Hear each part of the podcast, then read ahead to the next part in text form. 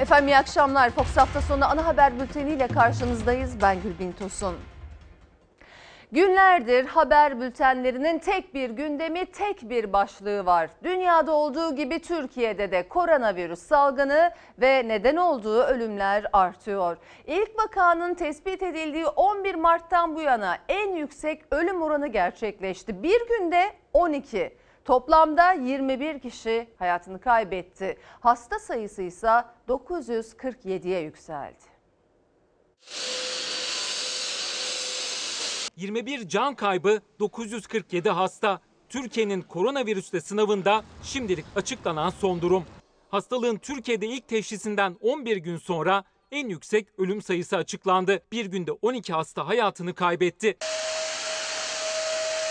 Sağlık Bakanı Fahrettin Koca gece saat 23'te güncel sayıları yine sosyal medyadan açıkladı. 2953 şüpheliye test uygulandığını söyledi. 277'si pozitifti. Toplam hasta sayısı 947'ye yükseldi. Yaşlı hastalarımızdan 12'sini kaybettik. Bugüne dek toplam 21 can kaybımız var. Yaşlılarımızı uyaralım. Sokağa çıkma sınırlandırmasına uysunlar. Ölüm riski yaş yükseldikçe çok artıyor.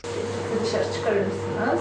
A deyin. Sağlık Bakanı Fahrettin Koca hayatını kaybedenlerin yaşlı olduğunu bugüne kadar özellikle belirtti. Son mesajına da ölüm riski yaş yükseldikçe çok artıyor notu düşmeyi ihmal etmedi. Yaşlar için öldürücü olabilen virüs her yaştan insana da çok rahat bulaşabiliyor. Fenerbahçe Spor Kulübü basketbol takımında da hem sporcular hem de idari kadroda virüse rastlandı. Testleri pozitif çıkan 3 basketbolcu evlerinde karantinaya alındı. Bir yöneticinin tedavisi ise hastanede devam ediyor. İşte bu sebeple mecbur olmadıkça sokağa çıkılmasın uyarısı her fırsatta tekrarlanıyor. O mesajı Cumhurbaşkanı Erdoğan da dile getiriyor. Mesajın daha çok kişiye ulaşabilmesi için sabit hatlara yapılan çağrılarla Erdoğan'ın mesajı iletiliyor. Zorunda olmadıkça kesinlikle evden dışarı çıkmamalısınız. Bu zor günleri de inşallah hep birlikte atlatacağız. Kalın sağlıcakla. 65 yaş üzerindekilere ve kronik hastalığı bulunanlara yönelik sokağa çıkma yasağına da istisnalar getirildi. Başta doktorlar olmak üzere sağlık çalışanları, belediye başkanları, kurum il müdürleri ve kamu görevlileriyle eczacılar yasaktan muaf tutulacak. Yasağın yürürlüğe girdiği tarihte evinde olmayanlar ve zorunlu sebeplerle evlerinden çıkması gerekenler içinse izin şartı getirildi. Bu kişiler için seyahat belgesi düzenlenecek ve polisle jandarma tarafından evlerine teslim edilecek. Seyahat belgesi alabilmek için 155, 156 ve 112'yi aramak gerekiyor. Koronavirüs sebebiyle alınan önlemlere Türk Hava Yolları da yenilerini ekledi. Türk Hava Yolları Yönetim Kurulu Başkanı İlker Aycı, New York, Washington, Hong Kong, Addis Ababa ve Moskova dışındaki tüm dış hat seferlerinin 27 Mart itibariyle durdurulacağını açıkladı. 21 Mart'tan önce alınmış tüm iç ve dış hat seferlerine ait bilet de ücretsiz değiştirilebilecek ya da açığa alınabilecek. Koronadan ölenlerin sayısı 21'e yükselince Cumhurbaşkanı Erdoğan videolu mesajla vatandaşlara seslendi. Özellikle 65 yaş üstü ve kronik hastalara evden çıkmama hatırlatması yaparken rastgele söylemiyoruz vurgusu dikkat çekti. Kılıçdaroğlu da video konferans yöntemiyle CHP'li Büyükşehir Belediye Başkanlarıyla salgın tedbirleri toplantısı yaptı. Özellikle yoksul mahallelerdeki vatandaşın hijyen ihtiyaçlarının karşılanması talimatı verdi. Devletimiz bütün kurum ve kuruluşlarıyla görevinin başındadır. Aziz milletim müşteri olsun. Ben karamsar değilim. Aklım ve bilimin ışığında biz bu e, salgını yeneceğiz. Mücadeleyi bu çerçevede yapacağız. Dünyada olduğu gibi Türkiye'de de koronavirüsle mücadele sürerken, vaka artışları yaşanırken panik yaşanmaması, sağduyulu olunması, evde kalınması liderlerin ortak mesajıydı. Cumhurbaşkanı Erdoğan 65 yaş ve üstüne ve onların yakınlarına seslendi. Kılıçdaroğlu sürecin sağlıklı bilgilendirmeyle yönetilmesini istedi. Özellikle 65 yaş üstü ve kronik hastalıklara sahip olanların kesinlikle sokağa çıkmamalarıdır. Eğer bu tür sokağa çıkanlar varsa tekrar ediyorum onları uyarmalısınız. Bunları rastgele söylemiyoruz. Bilim kurulu üyelerimizden almış olduğumuz tavsiyelerle söylüyoruz. Bize düşen görev her türlü öneriyi sağlıklı bir biçimde topluma aktarmak. Günlerdir yapılan uyarılar fayda etmeyince koronavirüsle mücadelenin 10. gününde 65 yaş ve üzeriyle bağışıklık sistemi düşük, kronik rahatsızlığı olanlara sokağa çıkma yasağı getirildi. Kararın ardından Cumhurbaşkanı gece yarısı bir video paylaştı. Alınan tedbirlerin haklılığına dikkat çekerken ölüm vakalarının istatistiğine vurgu yaptı. Dikkat edilirse az sayıda da olsa şu an itibariyle ölenlerimize baktığımız zaman bunların hepsinin de işte bu yaş gruplarında olduğunu gördüğümüz zaman demek ki yapılan uyarılar doğrudur, yerindedir. 65 yaş ve üzerinde ihtiyaçlarını karşılamaları için market zincirleriyle görüşmemiz devam ediyor. İletişim bilgileriyle yayınlayacağız. Kurye firmalarıyla görüşmemiz var. Belediye olarak biz de bu ihtiyaçlarınızda size yardımcı olmaya çalışacağız. Muğla'da uyguladığım özel bir durum şu. Bütün hastanelerin personelini ücretsiz ring yaptık. Sizden isteğim e, şu, özellikle yoksul mahallelerde kolonya, e, işte deterjan yani dezenfeksiyon maddeleri eğer yoksul ailelerin talebi olursa bu talebi karşılamak Kılıçdaroğlu da CHP'li 11 Büyükşehir Belediye Başkanı'nı video konferansla dinledi. Başkanlarla Covid-19 toplantısı yaptı. İktidara da mesajları vardı. daha önce merkezi yönetimle yerel yönetimler arasında sağlıklı bir uyumun olmasını ifade etmiştim ama öyle anlaşılıyor ki bu e, ortak çabadan biraz merkezi hükümet çekiniyor. Sağlık ve huzur içinde ülkemizi yarınlara taşıyacağız. Olumsuzluk kampanyası meydana getirmek isteyenlere inanmayınız. Bir defa devlet olarak biz bunların hepsinin tedbirlerini aldık. belediyelere gelen e, ödeneklerden İller Bankası veya Hazine ve Maliye Bakanı'ndan gelen e, ödeneklerin paralardan e, bir kesinti yapılmaması gerektiğini de ifade etmişti. Siyasal iktidara da e, bir yol haritası, bir strateji çizeceğiz. Bu bizim e, görevimiz. Alışverişlerinizde kesinlikle hiçbir ürün yok satmamaktadır. Batı ülkelerindeki raflara bakıp da aldanmayın. Hepsini biz aşmış vaziyetteyiz. Cumhurbaşkanı tüm tedbirleri aldık mesajı verirken Kılıçdaroğlu da belediye başkanlarından aldığı bilgilerle yeni haftada CHP'nin önerilerini sıralamaya hazırlanıyor. Dünyada koronavirüs salgınının önü alınamıyor. Çin'de hastalığın önü kesildi ama 13 bini geçen ölü sayısının 8 bini virüsün yeni merkez üssü olan Avrupa'da. Kıtanın durumu en kötü olan ülkeleri ise İtalya ve İspanya. 24 saatte 793 kişinin öldüğü İtalya'ya Çin'in ardından Rusya ve Küba'da yardım gönderdi. İtalya'da bir günde 793, İspanya'da 394 kişi hayatını kaybetti. Hollanda ve Fransa'da 5 Türk virüsten ölürken dünya genelinde ölü sayısı 13 bini aştı. Dünya Sağlık Örgütü aşı için en erken bir yıl sonra dedi. Yeni tip koronavirüs Covid-19 dünyada hızla yayılmaya devam ediyor. Salgının merkez üstüne dönüşen Avrupa'nın en kötü durumda olan ülkesi İtalya. Her gün bir önceki günden daha fazla ölümün yaşandığı ülkede son 24 saatte 793 kişi hayatını kaybetti. Toplam ölü sayısı 4825 oldu. Mevcut vaka sayısı 45 bine yaklaştı. İtalya Başbakanı Conte, İkinci Dünya Savaşı'ndan bu yana en zor krizle karşı karşıya olduklarını söyledi. Ülkede temel ihtiyaç malzemesi üretenler hariç tüm fabrikalarda faaliyetlerin durdurulduğunu açıkladı.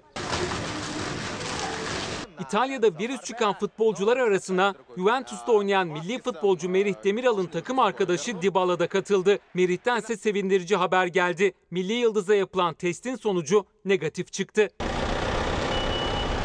Covid-19 salgınıyla mücadelede çaresiz kalan İtalya'ya Çin'in ardından Rusya ve Küba'da yardıma koştu. Moskova koronavirüsle mücadele için askeri doktorlar, uzmanlar ve ekipman gönderdi. Küba'dan yola çıkan 52 doktor ve hemşire de İtalya'ya ulaştı. Ekip salgından en kötü etkilenen bölge olan ve ölü sayısının 3000'i geçtiği Lombardiya'da çalışacak.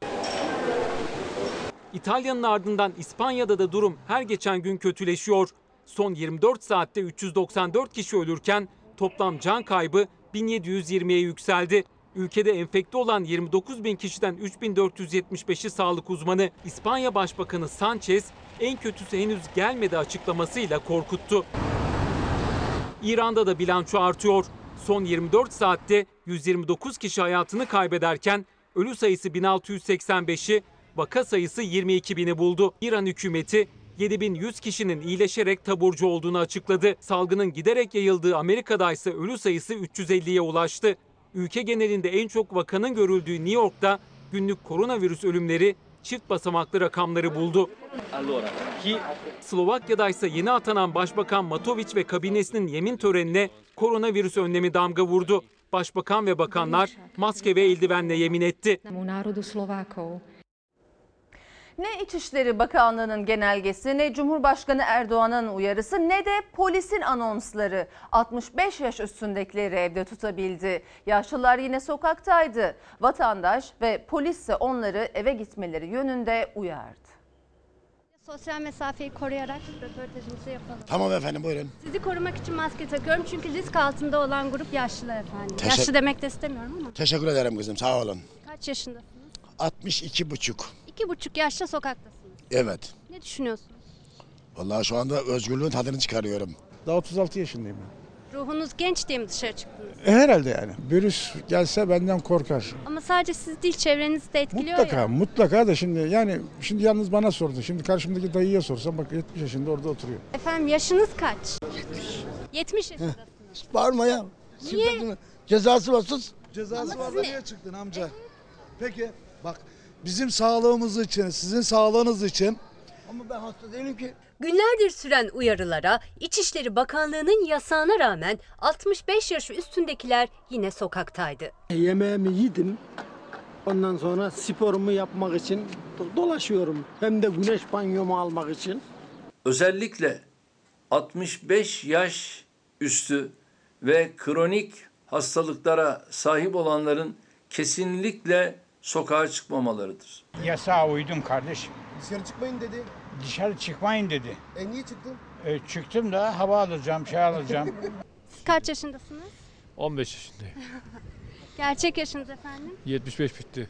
75. Yok dedim ya. Kavga mı dedim? Efendim Polis mi çağıralım? Jandarma mı çağıralım? şimdi ikisi de gelse sizi alır eve götürür. Tamam tamam. Ha? Tamam evim burada. Risk grubundasınız. Tamam da şimdi evde duramıyoruz. Dört duvarda nasıl duracaksın? Değerli İstanbullular, evlerinize kalmanız sizlerin ve sevdiklerinizin sağlığı için son derece önemlidir. Lütfen zaruri olmadıkça sokağa çıkmayalım. İçişleri Bakanlığı'nın genelgesinden sonra polis de sokaklarda nöbette ve özellikle 65 yaş üstündekileri anonslarla uyarıyorlar. İşimiz gücümüz var. Yoksa mecburiyet karşısında çıkıyorsun dışarı. Yani keyfe keder değil ki. Dükkanı açmak mecburiyetindeydim. Açtım şimdi eve gidiyorum. Ne iş yapıyorsunuz? Gıda, Gıda. market. Marketçisi. Evet. Dükkanı açtınız şimdi. Evet gidiyoruz. Adamların çoğuna da izin verdim. Bir tek bir kasiyerle bir tezgahtar öyle duruyor yani. Ha şimdi bir tane Şemsettin abiyle beraber dedi hanımla kavga ediyoruz şu anda dedi bugün. Daha bugün sokağa çıkmaya sağ çıkmış. Adam evde hanımıyla kavga ediyor. İlk günden. 70 yaşında ne yapsın o adam camiye gidemiyor. Sokağa inemiyor. cezası var bunun 3150 lira. Bunu ödeyecek Ben de öderim devlete. Ya cezaya rağmen eve girmek istemiyor musunuz?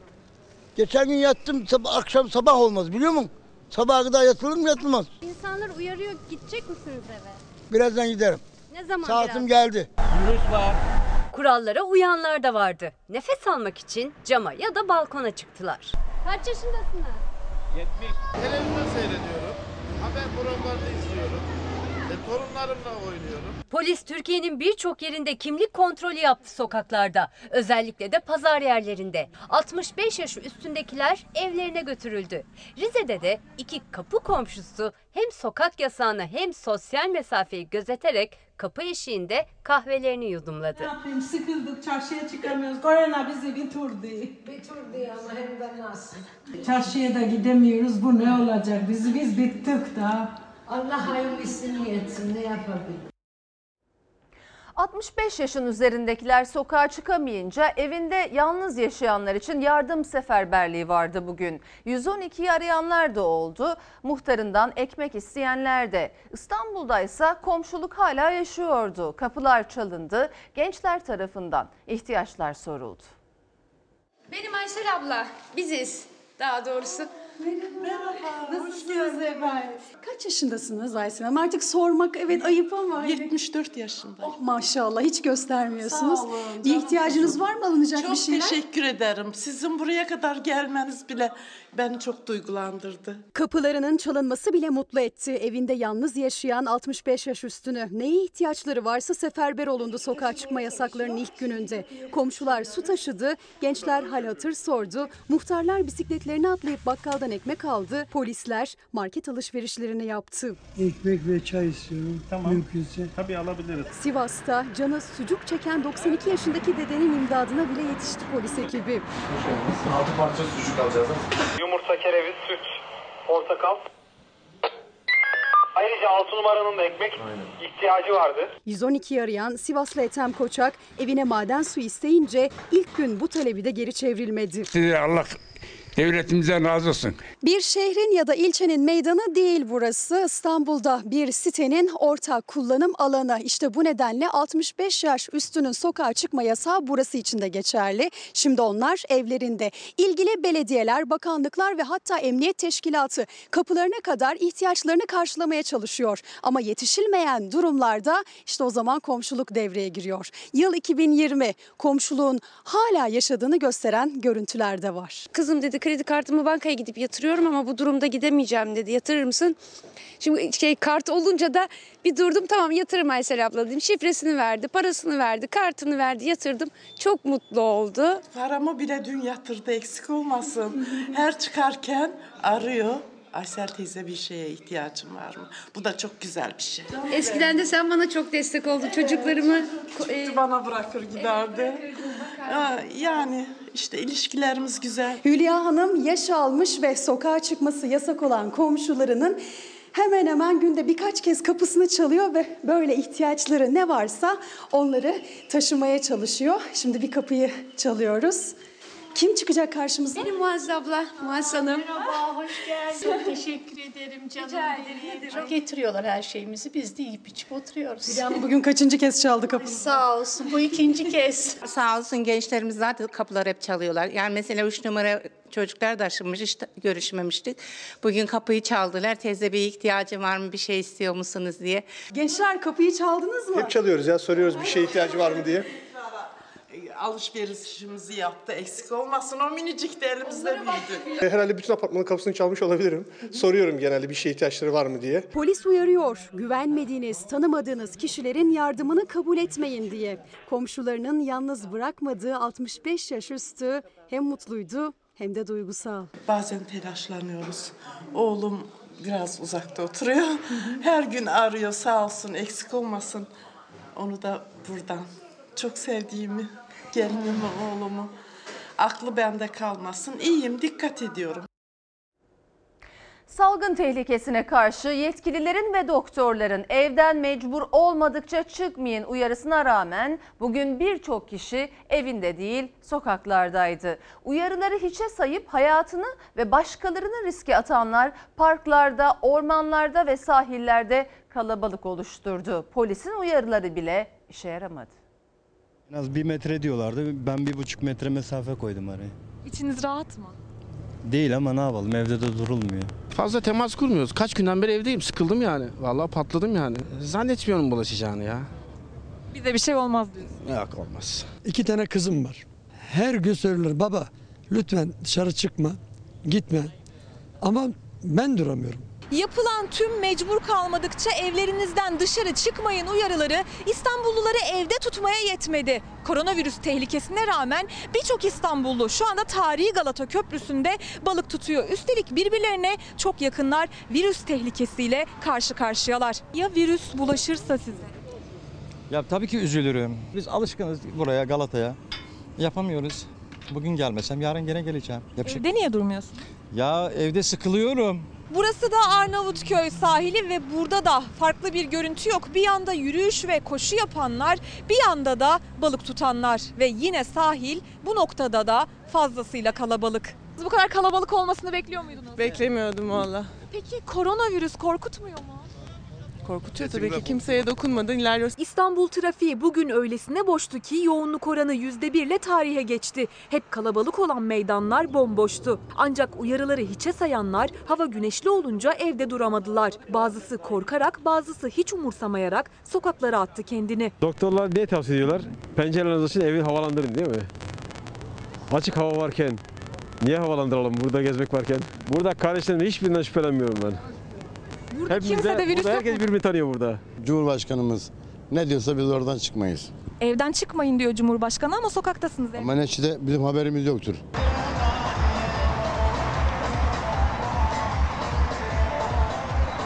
Zeytinburnu sahilinde ilginç görüntüler yaşanıyor. Koronavirüs tehlikesine rağmen düğün için bir araya gelen topluluğun yanına az önce polis geldi ve dağılmaları için uyardı. Ancak onlar uyarıyı dinlemek yerine şu anda sahilde halay çekiyorlar. Polisin uyarısına rağmen eğlence kaldığı yerden devam etti.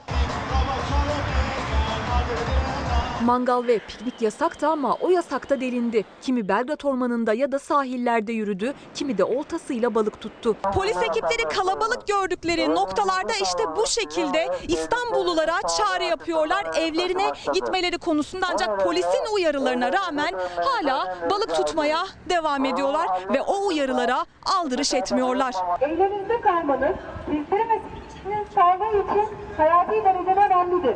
Evinize dönmenizi sizden rica ediyoruz beyefendi. Toplu durmamayalım. Aslında çoğu tehlikenin boyutunun farkında ama buna rağmen eve dönmemekte ısrarcıydılar. Kendinize hastalığın bulaşmasını göze aldınız peki başkalarına bulaştırmayı? Evet. Bugün dışarı çıktığınız için belki daha uzun evde kalmak zorunda kalacaksınız. O da doğru. Haklısınız. Peki şimdi bu fikrinizi değiştirdi mi? Eve gidecek misiniz? Yok. Madem devlet bunu yasaklıyor, tamamen yasaklayacak. Sokağa çıkma yasağı koyacak. Kimse de çıkmayacak. Yani evden çıkmamanız için illa yasak mı gelmedi? Yani. Ege ve Akdeniz sahillerinde de manzara farklı değildi. Erzurum Palandöken'de ise tatilcilerin koronavirüsü hiç anlamadıkları sözlerinden belliydi. Daha daha güvenli. Valla burada daha emniyeti daha güzel. Milletimizin moralini bozmasın canım ya. Hayat devam ediyor yani. Bu dönemde istihdamı korumak amacıyla atılan ilk adım olacak. Kısa çalışma ödeneği için Çalışma Bakanlığı duyuruyu yaptı. Pazartesi günü yani yarın elektronik ortamda başvurular alınacak. Ama koşullarda bir esnetme yapılacak mı belirsiz. Bu kriz asla ve asla çalışanların işini kaybettiği bir sürece dönüşmemelidir. Kısa çalışma ödeneği konusu. İşsizlik fonu bugünler için var. İşte bu çerçevede gerekiyorsa istihdamı tutma koşulundaki esnetilmesi. Koronavirüs günlerinde istihdam nasıl tutulacak? Talepler arasında işsizlik sigortasından yararlanma koşullarının kolaylaştırılması, işsizlik ödeneğinin süresinin artırılması var ama koşulların esnetilmesiyle ilgili yeni bir açıklama yok. Çalışma Bakanlığı ise kısa çalışma ödeneği başvurularının pazartesi gününden itibaren elektronik ortamda yapılabileceğini duyurdu. Detaya girmedi. Sadece hastanelerde çalışan sağlık personeli olmak üzere birer maaş tutarında ikramiye verilmesini, emeklilerimize Mayıs ayında bir defaya mahsus olmak üzere 1000 liralık bir ödeme yapılmasın. Yüksek öğrenim öğrencilerine 500 liralık bir ata destek ödemesi teklif ediyoruz. Muhalefet iktidarın ekonomik istikrar kalkanı adını verdiği paketteki tedbirleri yetersiz buluyor. CHP sağlık çalışanlarına ikramiye, emekli ve öğrenciye ek ödeme istedi. İyi Parti'den de sağlık çalışanları için iktidara çağrı geldi. Şahsım, ailem, milletim adına bütün sağlık personelimizi hakikaten alkışlarımızla tebrik ediyoruz. Sayın Cumhurbaşkanı koronaya karşı ön cephede savaşan sağlıkçılara bir cümleyle teşekkür etti. Sağlık Bakanı ise mecliste onları alkışlattı. Yeter mi? İyi Parti onlara en az 3 ay çift maaş verilmesini önerdi. Korona paketinde bile müteahhitleri kollayan iktidar bu önerimize uyacak mı? Çalışanlar gibi çiftçi de tedirgin, turizm sektörü de. Türkiye Esnaf ve Sanatkarları Konfederasyonu ise esnafa kullandırılan kredilerin gecikme faiz oranlarının düşürülmesini ve kredi şartlarında iyileştirme yapılmasını istedi. Esnaf ve sanatkarlarımıza kredilerde kolaylık sağlanmalı. Her esnafa sıfır faizle en az bir yıl geri ödemesiz kredi imkanı sağlanmalı. Gecikme faiz oranları düşürülmeli. Esnafın siciline bakılmaksızın kredi verilmeli. Çiftçi borçlarının yeniden yapılandırılması, Üretimin aksamaması için üreticilerin kredi borçlarının ötelenerek yapılandırılması gerekmekte. Yeni ekim yapacak üreticilere mazot ve elektrik gibi girdi maliyetlerinde destek sağlanmalı. Odalarda, sendikalarda, muhalefet de koronavirüsün ekonomiye faturası daha da artmadan yeni önlem paketinin devreye sokulmasından yana. İddialara ve kulislere göre koronavirüs salgını nedeniyle ceza infaz indirimi ile ilgili çalışmaları da hız verildi. Ceza indirim oranı ve denetimli serbestlik süresi ile ilgili de anlaşmaya varıldı. Artık rötuşların yapıldığı teklife göre kritik tarih 1 Mart 2020 olacak. Bu tarihten önce hüküm giyenler için indirim miktarı %50 olacak. Bir yıllık denetimli serbestlik süresi de bir defaya mahsus 3 yıl olarak öngörülüyor. Ceza infazda Adalet Bakanlığı tarafından hazırlıklar bitti. Cezaevleri umutla bekliyor. 285 bin insan cezaevlerinde üst üste yatıyor. AK Parti'nin ittifak ortağı MHP ile son şeklini vermeye çalıştığı teklife göre 1 Mart 2020'den önceki suçlarda 1 bölü 2 oranında infaz indirimi geliyor. Denetimli serbestlikte bir defaya mahsus olmak üzere 1 yıldan 3 yıla çıkartılıyor. Cezaevlerinde insanlık dışı bir infaz sistemi uygulanmaktadır.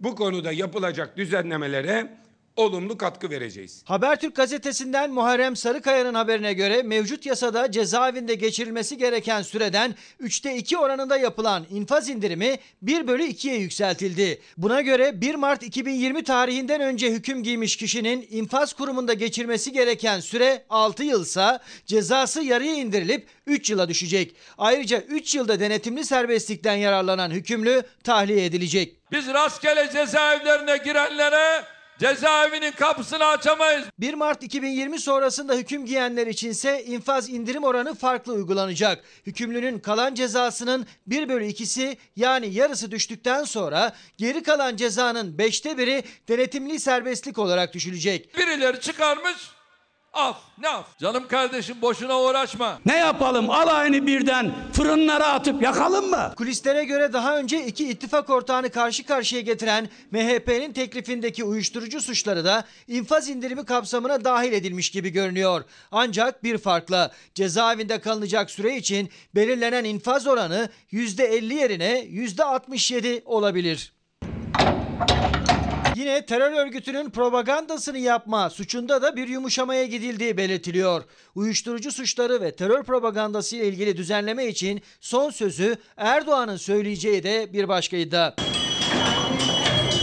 Ceza indiriminde iyi hal uygulaması da belli aralıklarla verilen raporlara göre devreye sokulacak. Ayrıca 65 yaş için 1 yıl, 70 yaş için 2 yıl, 75 yaş üstü ve hamileler için 4 yıla kadar kalan cezayı evde çekme hükmü getiriliyor.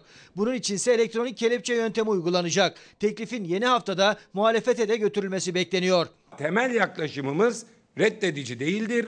Üzerinde çalışacağız ve olumlu katkı sağlayacağız. Terör suçları, örgütlü terör suçları, kasten adam öldürme, kadına ve çocuğa şiddet ve cinsel istismar, soykırım, orman kanununa muhalefet gibi suçlarsa infaz indirimi kapsamı dışında.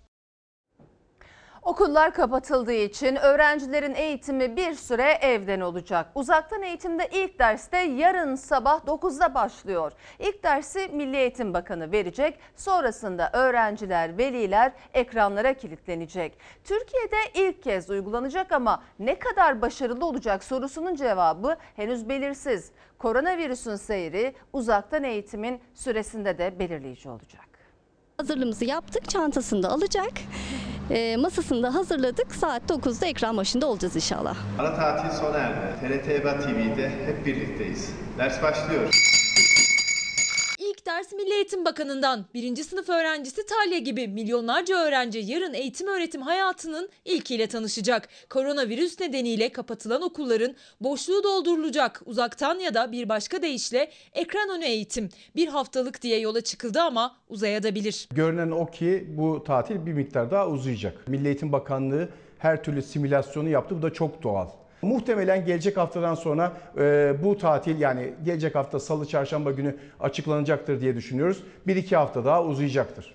Bu konu tümüyle sağlık koşullarına bağlı. Öğrencilerimizin eğitimlerinden geri kalmamaları için internet bağlantısı, bilgisayar ve televizyon ihtiyaçlarının ivedilikle karşılanması gerekmektedir. Muhalefet şartları uygun olmayan öğrenciler için iktidarın televizyon, bilgisayar, internet desteği için harekete geçmesini istedi. Milli Eğitim Bakanlığı ise TRT'nin 3 ayrı kanalından ilk, orta ve liseleri hedefleyen ders programlarına dikkat kesildi. Derslere internet üzerinden de ulaşılabilecek. Tabletten devam edeceğiz ama tabii ilk gün açıkçası televizyondan e, izlemeyi düşünüyoruz. Pazartesi günü hem Milli Eğitim Bakanlığı hem özel okullar hem üniversitelerin hepsi uzaktan eğitime geçecekler. Senkron ve asenkron olarak. Bu çok ciddi bir yüklenme. Ülkelerinin tamamında bütün öğrencilerini aynı anda eğitimi alabilecek bir altyapı hiçbir ülkede yok. Hiçbir ülkede yok. Burada önemli olan televizyondur. İhtiyaç olduğunda EBA'nın EBA Gov.tr sitesine de girilebilir. Özellikle salı gününden itibaren daha rahat bir şekilde girebilirler. Bakanlık internet üzerinden eğitimin ilk günü için temkinli televizyon yayınlarını tercih edin uyarısı yaptı velilere. 20'şer dakikalık dersler, 10 dakikalık teneffüs aralarıyla günde birkaç saat ekran başında olacak öğrenciler. Kaçıranlar için ders tekrarları da yapılacak. Uzaktan eğitimde neler yapıyorsun? Ders tekrarı yapıyorum. Sorular çözüyoruz. Orada ödevleri falan kontrol ediyoruz öyle. Uzaktan eğitim için 3 ay ya da 4 ay konusunda hazır mısınız? Biz buna tümüyle hazırız. Yüz binlerce video var elimizde. 240 bin soru var elimizde. 240 bin. Süreç uzarsa liseye geçiş sınavları ertelenir mi? Uzaktan eğitimde işlenen konular sınavda çıkar mı soruları da ilk ağızdan yanıt buldu. Bizim hedefimiz sınavı ertelememek. Sadece yüz yüze gördükleri konulardan sınav içerikleri oluşturulacak. Uzaktan eğitim ne kadar sürecek? Süreç uzarsa sınavların akıbeti ne olacak? Milyonlarca öğrenci ve aile hem ilk haftaya hem de sonrasına odaklandı. Talya'cığım sana yarın iyi dersler diliyorum. Tamam. Salgının büyümesini önlemek için alınan son önlemlerden biri de restoran, lokanta ve pastanelere getirilen yasaklar oldu. Artık müşteriler masada oturup yemek yiyemeyecekler. Siparişler eve teslim edilecek ya da müşteriler gidip restorandan paketle alabilecek. Servisimiz yok paket veriyoruz sadece. Şu an millet korktuğu için biraz koronadan işler biraz durgun. Yani eve de söylemiyorlar bayağı durgun şu an işler yok. Koronavirüsle savaş hayatın her alanında devam ediyor. İçişleri Bakanlığı genelgesiyle restoran ve pastanelerde masaya servis yasaklandı. Devletimizin verdiği karar neticesinde gece saat 12'den sonra yasaklandı. Biz de yasaklara uymak zorundayız. Sadece paket servisi olarak gel al olarak veriyoruz. Normalde bu saatlerde full olurdu. Masa sandalye yok artık. İçeriği de yok. Sırf paket servis veya müşteriler gelip alıp gidebiliyor. Talep arttı mı paket servise?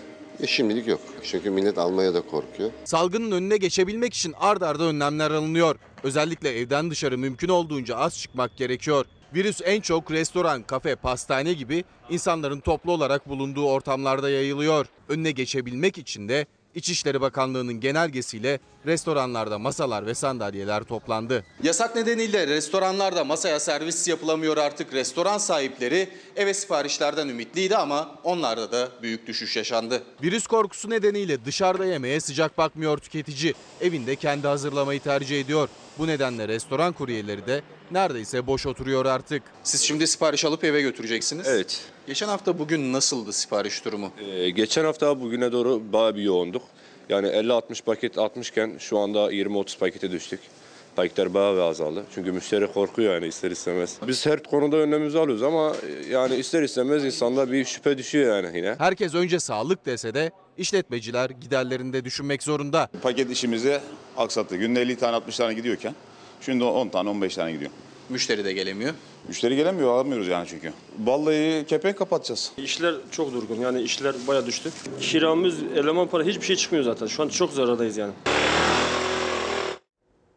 İçişleri Bakanlığı'nın genelgesine rağmen sokağa çıkan orta yaşı geçkin iki adam oturdukları banktan sulu ikazla kaldırıldı. Bazı illerde düzenlenen asker uğurlamalarında ise otogarlar yine kalabalıktı. Çok doğru. Ne yasağı ne de uyarılara aldırış ettiler. Bina sakinleri de bankta oturan yaşlıları üzerlerine su atarak yerinden kaldırdı. Isparta'da orta yaşı geçkin bu iki vatandaş sokağa çıkma yasağına uymayıp dışarı çıktı. Dinlenmek için belediye işhanı önündeki bankı seçtiler. Bankta oturup sohbet etmeye başladılar ancak bir süre sonra yukarıdan üzerlerine su atıldı. İki yaşlı sulu ikazın ardından yerlerinden kalkıp gitmek zorunda kaldı. Nevşehir Belediyesi ise yasağın sonrasında Alo 153 yaşlı ihbar hattı kurdu. 65 yaş üstü insanları sokakta görürseniz bizi arayın açıklamasında bulundu. Ancak hattın ismi büyük tepki çekti. Tepkiler üzerine hizmetin ismi yaşlı destek hattı olarak değiştirildi. Dışarıda kalmayın, evinizde kalın lütfen. Evinizde kalın.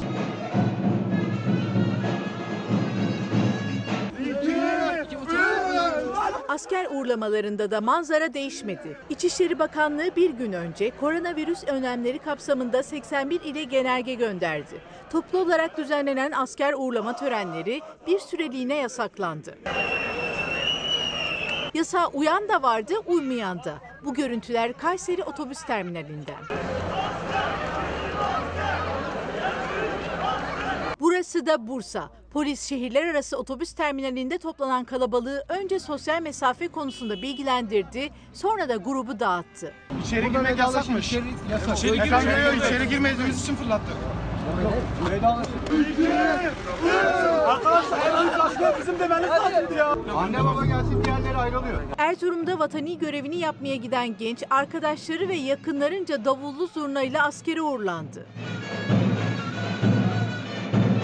Gaziantep'teki asker uğurlama töreninde meşaleler yakıldı. Koronavirüsle mücadelede günlerdir en büyük emeği veren sağlık çalışanlarına ise birçok ilde alkışlı destek sürdü. Iğdır'daki destek sırasında yapılan havai fişekli gösteriye kimse anlam veremedi. Bu süreçte sağlık çalışanları çok büyük bir özveriyle çalışıyor. Ailesini göremeyenler, yemek bile yemeyi unutanlar oldukça fazla. Hem salgının engellenmesi hem de sağlık çalışanlarının özverilerine karşılık vermek için sokağa çıkılmaması çok büyük önem taşıyor. kendilerini unutabiliyorlar. Hani bu terzi sökünü dikemez meselesini böyle düşünmek gerekir. Çalışma saati vesaire unuturlar. Bunu göz önünde bulundurmak lazım. Hekimler de öyle. Böyle yetişiyorlar aslında. Yani fedakarlıkta sınır tanımıyorlar. Sağlık çalışanlarının zaten var olan yükleri koronavirüs salgınıyla birlikte ikiye katlandı. Evlerin balkonlarından yükselen her bir alkış onları ayakta tutan en büyük güç oldu. Çünkü onlar çocuklar ailesiz kalmasın diye kendi çocuklarını bile göremeyebiliyorlar. Çok yoğun çalıştıkları için çocuklarına bakacak ya da ailelerine ilgilenecek zamanlar giderek azalıyor. Çünkü hafta sonları ister istemez çalışıyorlar. 9'da işte alkış eylemi çok duygulandırdı meslektaşlarımızı. Yani bu bile halkın e, güzel bir ifadesi oldu. Sağlık çalışanı çok şiddet gördü Türkiye'de. Yani dünyanın hiçbirinde olmadığı kadar son 10 senede belki dövüldü, hakaret edildi. Bunlar yaşandı biliyoruz bunları. Rakamlar olarak da var. Hiç değilse bu bir fırsat olsun. Alkışlar fedakarlıkları için. Özellikle koronavirüs salgınının görüldüğü şehirlerde sağlık çalışanlarının yoğunluğu ve riskleri iki katına çıktı. Fedakarlığı baştan kabul etmiş bir meslek grubudur. Zaten hep yoğunlar ve fedakarca çalışıyorlar fakat bu dönemde biraz daha yoğunlaştı. Mesela yeme içme gıdalarını nasıl karşılıyorlar? Evet burada tabii bunu en çok ihmal edilen şeylerden bir tanesi bu. Öğünler karıştırılıyor artık. Belli hastaneler imkanı olanlar bunu destek verebiliyor. Ee, yani yönetim tarafından düşünülmesi hatta kendi aileleri e, veya akrabaları, arkadaşları tarafından neredeyse düşünülüyor. Tabii sağlık çalışanları... Telefonlarda sürekli çalıyordur herhalde. evet telefonlarımız sürekli çalışıyor. Telefonları susmuyor bir an olsun. Hastaneden çıkınca da bitmiyor çalışmaları. Avrupa Enfeksiyon Hastalıkları Derneği Yönetim Kurulu üyesi ve Koç Üniversitesi Hastanesi Enfeksiyon Hastalıkları Bölüm Başkanı Profesör Doktor Önder Ergönül sağlık çalışanlarına yardımcı olmak için evde oturmanın önemine dikkat çekti. Sağlık çalışanlarının sağlığının e, gerçekten diri tutulması lazım. Onlar zaten çalışmaya dünden gönüllüler bunu söyleyebilirim. Sokağa çıkmamak hani çıkılıyorsa bu mesafeye dikkat etmek bizim de burada dikkat ettiğimiz gibi şimdi sizinle çalışan arkadaşlarımızın e, ruhen e, destek almaları çok daha önemli. İyi ki varsınız. Gün boyu yoğunluğun en fazla olduğu yerlerden biri de alışveriş merkezleri. Henüz resmi bir kapatma kararı yok ama bağlı bulundukları derneğin tavsiye kararı doğrultusunda birer birer hizmet vermeyi durduruyorlar. Yüz binlerce çalışansa gelecekleri konusunda şimdiden endişeli. Çalışanlarımız açısından kesinlikle iş kaybının olmayacağını, onların özlük haklarında bir kayıp olmayacağını buradan söyleyebiliriz. Alışveriş merkezleri bir bir kapanıyor. Açık olanlarda ise birçok mağaza kendi kararıyla kapısına kilit vurdu. AVM çalışanları sürecin sonunda yeniden işbaşı yapabilecekler mi kestiremiyor. Hatta bazıları işsiz kaldı bile. Geriye kalanların çoğu da ücretsiz izne gönderildi. Yıllık izin kullanacaklar. İşverenlerin takdiri bu yönde. Mesela alacak saat izni kullanacaklar. İşverenlerin takdiri yine bu yönde. Onlar yoksa ücretsiz izne çıkacaklar. Takdiri bu yönde. Özellikle hafta sonu AVM'ler tıklım tıklım dolu olur ama biz şu anda İstanbul'un en kalabalık, en işlek AVM'lerinden birindeyiz. Burası bomboş. Zaten içindeki mağazaların da tamamı kapalı. Sadece eczane açık, marketse öğlen geç saatlerde açıldı. Akşam erken saatlerde kapalı. Sadece iç mekanlar değil, dışarıdaki oyun parkı da kapatıldı. Alışveriş merkezlerinin kapatılması e, kararını aldık. Alışveriş Merkezleri ve Yatırımcıları Derneği'nin tavsiye kararının ardından AVM'lerin çoğu eczane ve süpermarket dışında hizmet vermiyor. Dernek her ne kadar çalışanların hak kaybının olmayacağını açıklasa da çalışanların bağlı olduğu sendikaya göre işsizlik çanları çalmaya başladı. 100 küsur AVM kapanmış oldu şu anda. Hemen hemen yarıya yakın part time çalışan evlerine gittiği için zaten bu sürecin sonunda işten çıkmış olacak. Tam gün çalışanların ise maaşlarını ödeyen firma az, çoğu ücretsiz izne ayrıldı. Yüz binlerce alışveriş merkezi çalışanı akıbetini merak ediyor. Evlerine gittiler. Yüz binlerce AVM işçisi şu anda markalar kapandığı için, AVM'ler kapandığı için e, evine gitmek durumunda kaldı. Ama evde birinci, ikinci, üçüncü gün derken bir haber bekliyorlar. Sayın seyirciler Türkiye eve kapandı. Öğrencileri okullar kapalı. 65 yaş üzerine sokağa çıkmak yasak. Ama mecburen iş için çıkanlar ve alışverişe gidip dönenlerin aklında aynı endişe var. Ne yaparlarsa dışarıdan eve virüs taşımazlar ya da temizlik kaygısıyla bazı uygulamalar abartılıyor mu? Koronavirüs Bilim Kurulu üyesi Profesör Doktor Levent Akın alınabilecek basit tedbirleri anlattı. Eldiveninizi takmışsınız, maskenizi takmışsınız. zaten. Hani alışveriş dışında hiçbir şekilde çıkmıyorum dışarı. Ambalajları dezenfekte etmeye çalışıyorum. E, ayakkabıları hiç hoşuma gitmese de kapının dışında bırakıyorum. Tabii ki evin içine almıyorum. Hani bir süre havalansın en azından. Belki virüs kendi kendine elimine olur diye. Kıyafetlerimizi kaldırıyoruz. Dışarıda giydiklerimizi bir daha evin içinde oturmuyoruz hiçbir yere hemen çıkarıyoruz. Türkiye koronavirüsle mücadelenin yollarını arıyor. En önemli tedbir olarak evlere kapandı insanlar ama çalışan, mecburen toplu ulaşımı kullanan ya da zorunlu ihtiyaçlar için markete, eczaneye gidenler eve de tedirgin dönüyorlar. Saçı yıka, terliği değiştir, iç çamaşırı değiştir, camı açma filan. Hani biz yetişebildiğimiz kadarını yapıyoruz. Poşetle aldıklarımı çamaşır sulu şeyle bezlesiyle böyle kaldırıyorum dolaba. Getirdiğimiz şeyleri tabii silmemize çok gerek yok poşetleri. Ama poşetlerin hemen boşaltmamız, eğer ambalajda olan ürünleri ambalajından çıkarmamız uygun olabilir. Ben artık şey oldum paranoyak oldum artık yani hep, hep yıkıyorum. Öncelikle tedirgin olmamamız lazım. Tedirgin oldukça hep hata yaparız. Toplumda temizlik kaygısı arttıkça arttı. Kimi dokunduğu her şeyi çamaşır suyuyla tek tek siliyor, kimi poşetlere kadar yıkıyor. Herkesin yöntemi farklı ama Sağlık Bakanlığı Bilim Kurulu üyesi Profesör Doktor Levent Akın'a göre gerektiği kadar tedbir yeterli. Kalabalık bir marketten geldiniz. Çok fazla insanla bir arada olduğunuzu düşünüyorsunuz ve elinizde poşetler var. Öncelikle uzmanlara göre poşetlerin havalandırılması, çamaşır suyuyla dezenfekte edilmesi, içindekilerin yıkanarak dolaba konması gibi önlemler çok da gerekli değil. Daha basit alınabilecek önlemler var. Örneğin ilk başta ayakkabılar. Uzmanlar uyarıyor. Ayakkabıların altı çamaşır suyuyla silinmeden evin içinde çıkarılmamalı diyor. Ev içine sokmamamız gerekiyor. Mutlaka kapıda çıkarmamız gerekiyor. Ayakkabılarımı dışarı bırakıyorum. Kıyafetlerimi değiştiriyorum. İlk iş dışarıdan gelinen kıyafetleri çıkartarak belki havalandırmak olabilir, kirliliğe atmak olabilir. Sonrasında bir ev kıyafeti giyinmek. Eve gelince kıyafetlerimizi değiştirmemiz, ev kıyafetlerini giymemiz uygun olacaktır. Acil ihtiyaçlar için çıktım. Elimde dezenfektanım var. Kolonyam da var. Ve vücut temizliği kadar ev temizliği de önemli virüsle mücadelede. Kapı kolları, armatürler gibi sık dokunduğumuz yerleri de e, yine çamaşır suyunu seyrelterek mutlaka sabah akşam silmemiz uygun olacaktır. Bir başka detayda evcil hayvanlar. Acaba onların patisinden ya da vücudundan bize virüs gelir mi? Acaba onlar dışarıdan virüsü evlere taşıyabilirler mi?